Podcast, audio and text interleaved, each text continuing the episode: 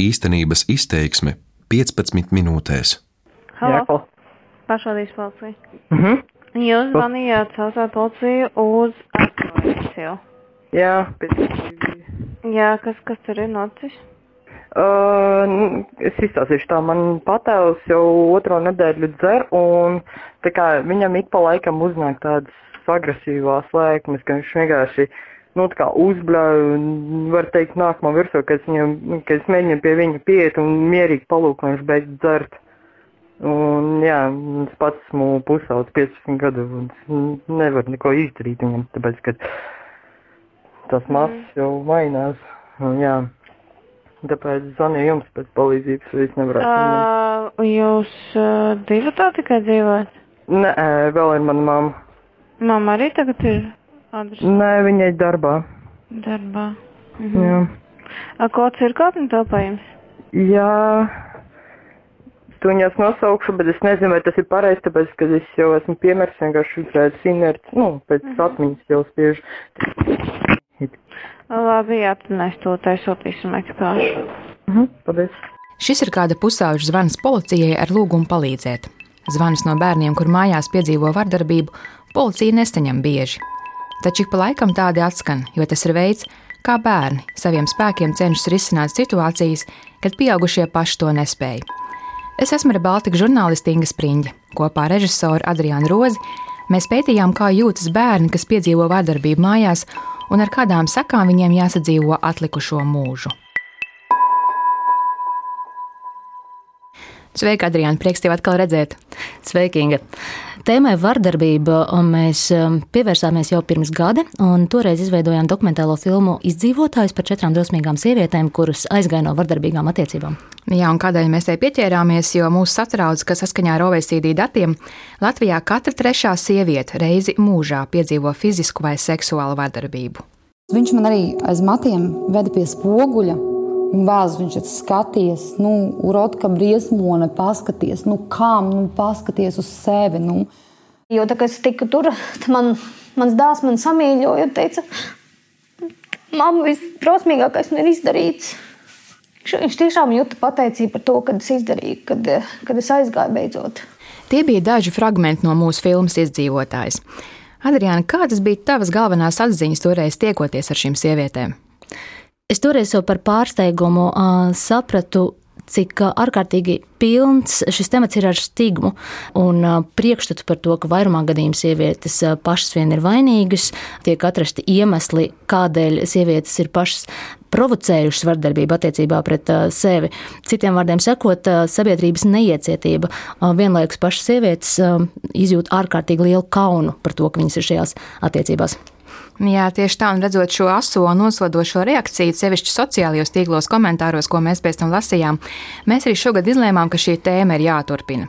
Tikai šoreiz viens no uzsvariem mūsu filmā un arī rakstos, kas top, ir uz bērniem, kas uzaug ģimenēs, kurās ir bijusi vardarbība. Šī ideja bija tava. Vari pastāstīt, kādēļ tu nolēmi tai pievērsties?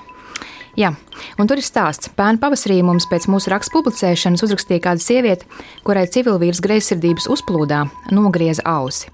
Es ar viņu satikos, un šī sieviete man stāstīja, ka jau iepriekš bija lūgusi tiesu piemērot aizliegumu civilvīram viņai tuvoties, bet ne abu mazajiem bērniem. Uz ko es viņai jautāju, kādēļ ne bērniem? Viņa man skaidroja, ka negribot bērniem atņemt tēvu, lai gan arī abi mazie mājās bija redzējuši, kā viņš situ mammu. Un man tas likās atgādni. Es sapratu, ka mums ir jāparāda mamām, kuras domā līdzīgi, ko patiesībā šāda vardarbības pieredze bērniem nodara.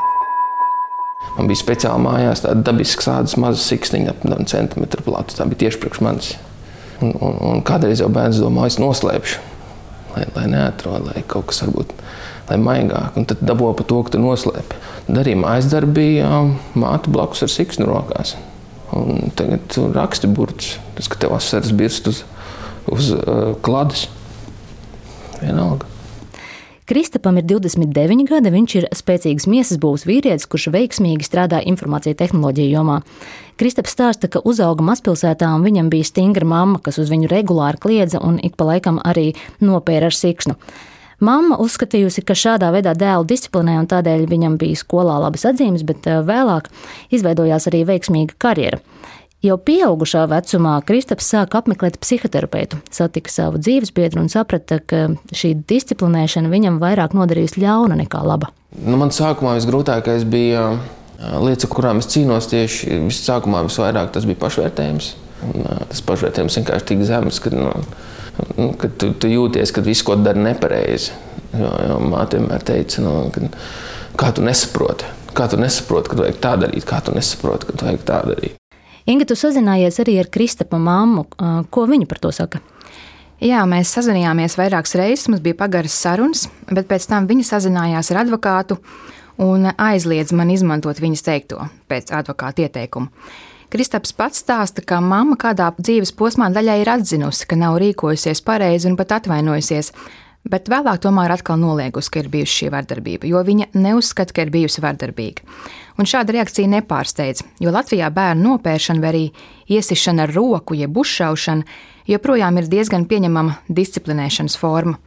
Centrs Dārdedze 2017. gadā pasūtīja pētījumu, kurā gandrīz puse aptaujāto norādīja, ka bērnu sišanu kopumā nevajadzētu izmantot, bet dažās situācijās tā tomēr ir attaisnojama. Un tajā pašā pētījumā eh, trešā daļa aptājā to arī atzīmēja, ka neiejaucas, ja redz, kā bērnu kāds fiziski soda, jo tā ir esot privāta ģimenes problēma klasika. Un šo attieksmi savā darbā novērojas arī Dārdedes psiholoģe Daina Dziļuma. Jā, varbūt eh, tāda eh, nu, ļoti eh, spilgta pāridarīšana ar tādām nežēlības izpausmēm tiek noraidīta, bet tomēr tādā nu, sadzīviskā līmenī tāda uzšaušana, kādreiz arī kādās nu, situācijās vecāki min, ka nu, ir kādi tomēr nodarījumi bērnu pārkāpumi, par kuriem tad būtu jāsoda. Nu, visbiežāk tā ir tāda, nu, jā, nu, uzšaušana ar roku vai pa pakausi, vai pa dibenu, vai paraustīšana aiz matiem. Manuprāt, viena liela problēma, ko es pamanīju veicot šo pētījumu, ir, ka joprojām ļoti daudz Latvijā nezina, ka šāda fiziska sodīšana arī it kā mazsāpīga Tāds darbības kā uzšaušana vai paraušana aiz matiem vai pat iekniepšana Latvijā ir aizliegta ar likumu. Es jau dzirdu, ka šajā vietā daļa klausītāji iebilst, ka tā ir pārspīlēta rīcība un tagad bērnos tiek ieaudzināta visatļautība.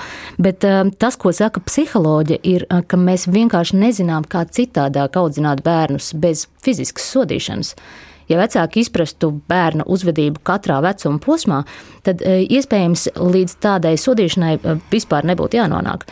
Jo mēs jau visi esam auguši, nu, vai lielākā daļa no mums ir auguši laikos, kad pēšana bija normāla lieta. Arī Kristaps saprata, ka bērnus var audzināt citādāk.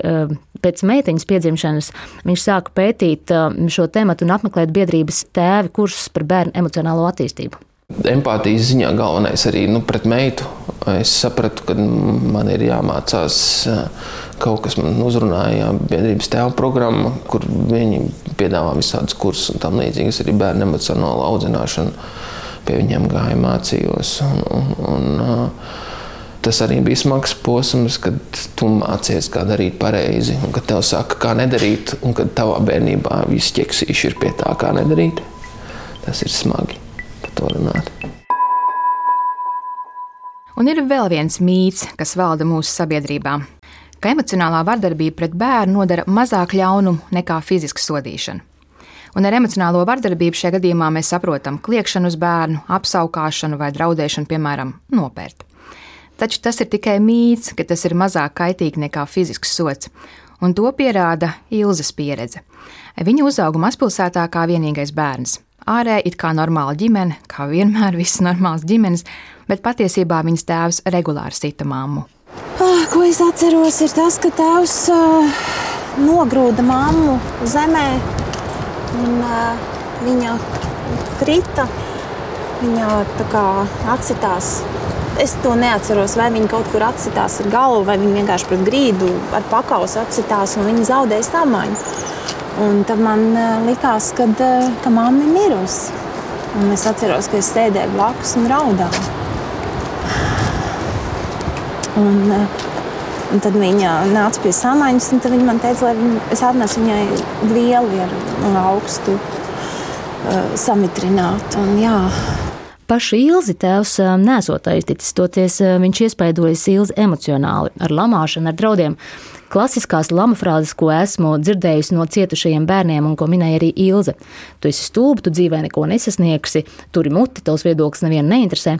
Rezultātā Ilze iemācījās, ka drošāk ir klusēt. Nē, nu, kliegt viņš kliedz arī uz mani, bet manī sistiņš nesit, bet man bija nenormāli bail no tēva.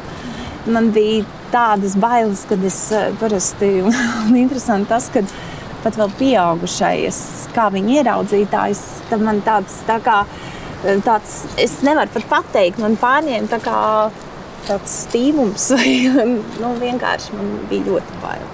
Redz, šajā situācijā jau nav runa tikai par bailēm no tēva. Kā norāda daudzi pētījumi, sliktākais, kas notiek, ir nemitīga spriedze, kurā dzīvo bērni. Tieši šī spriedze un neziņa kad būs nākamais sprādziens, atstāja neizdzēšamas sekas bērna psihē un arī fiziskajai veselībai. To ļoti labi mums izstāstīja Pegija, kur ar māsu un brāli uzauga Liepājā un kuras patāvs regulāri sita mamma. Viss tas pēdējais uh, gads, pirms mēs tikām prom no viņa, tas viss gads bija nu, tumšs, ļoti tumšs. Tur bija, tur bija tiešām tā, ka tur naktī nevarēja gulēt. Pat ja viņa tajā dienā nestrīdējās, tu nevarēji naktī gulēt, jo tu, tu vienkārši gaidīji kaut kādā brīdī būs, būs sprādziens. Un tu vienkārši sēdi un gaidi. Mūžīgais stress arī ietekmē bērnu uzvedību skolā. Pegija stāsta, ka nespēja skolā koncentrēties, jo visu laiku domāja, kas notiek mājās. Viņai gan bija labas sekmes, un skolā viņa bija iecienīta. Tur neviens pat nenojauta, kas notiek viņas mājās, jo bērni no māmas iemācījās, ka par notikušo ir jāklusē. Un lūko stāsta Pegija. Pēc tam vēlāk jau bija tā, ka. Uh ka tā dzerstīšanās no Pētera puses bija tik. Tik tālu, ka mēs jau ne, nemaksājām par, par dzīvokli, par elektrību mājās. Nebija elektrības. Un mēs zvanījām paši bērnu skolu un teicām, ka oh, mēs tur esam slimi, mēs nebūsim. Bet īstenībā mums vienkārši nebija ne grāmatas, ne drēbes, nekā ar ko mēs varētu vienkārši aiziet uz skolu. Un mēs sēdējām augstā, tumšā dzīvoklī, kur visi dzēra un kliedza. Situācija, ko Pegija tikko noraksturoja, ir vēl viens vardarbības veids pret bērnu, un to sauc par atstāšanu novārtā. Tas nozīmē, ka bērniem nav, piemēram, pārtikas vai nepieciešamo lietu skolai, vai arī vecāki nerūpējas par viņa emocionālajām vajadzībām. Labklājības ministrijas dati rāda, ka 2018. gadā rehabilitāciju pēc atstāšanas novērtā saņēma 133 bērni, bet kopumā no dažādu veidu vardarbības no saviem vecākiem bija cietuši un sociālo rehabilitāciju saņēma 1328 bērni. Es gan domāju, ka cietušo bērnu skaits ir daudz lielāks, jo šādus gadījumus ir ārkārtīgi grūti identificēt. Jā, tieši tā tāds arī varētu būt, jo kāda britu pētniece ir izpētījusi, ka reālo gadījumu skaits var būt pat līdz desmit reizēm lielāks nekā uzrauda aptaujas, ar kurām parasti mēģina saprast šīs problēmas apjomu. Bet, Adriāna, mēs šo raidījumu iesākām ar to, ka sievietes paliek kopā ar agresoriem, lai bērniem būtu tēvs vai lai būtu pilna ģimene, kā viņas pašas uzskata. Ko par šo pieņēmumu tev stāstīja paši nu jau pieaugušie bērni? Jā, visi minēja, um, ka neizjūt naidu pret vecākiem, taču tas nenozīmē, ka arī attaisno. Ilze ar mammu izrunājusies pirms viņas aiziešanas mūžībā. Māma lūgusi atdošanu, taču Ilze neslēpa, ka bērnībā ļoti cerējusi, ka mamma aizies no tēva. Lūk, Ilze stāstīties man bija divas sajūtas. Man bija ļoti liels kauns par to, ka man ir tāds tēvs. Un, eh, un man vēl bija vainas sajūta. Es pat nevaru, es tagad domāju, es nesaprotu, par ko es jutos vainīga, bet uh, es jutos par kaut ko ļoti vainīgu. Un tad kaut kādā ziņā man bija arī dusmas uz mammas. Uh, vienkārši bieži domāju, cik tas būs skaisti un cik tas būs jauki, kad mēs ar mammu dzīvosim atsevišķi un mēs tur nāks Ziemassvētku, mēs cepsim piparkūkus. Psihologs stāsta, ka bieži šādiem cilvēkiem ir grūti izveidot privātas attiecības, jo bail uzticēties. Pegija stāsta šādu pieredzi. Es vienkārši pat gribēju, lai viņi daudz ātrāk aiziet prom. Nevienam tas nebija labi, kas notika. Es saprotu viņas uztraukumu par to, ka ir trīs bērni un kā viņi uzturēs vienu pati trīs bērnus, bet uh, to es nesapratīšu, kā viņi varēja ļaut sevi tā kāpt virsū.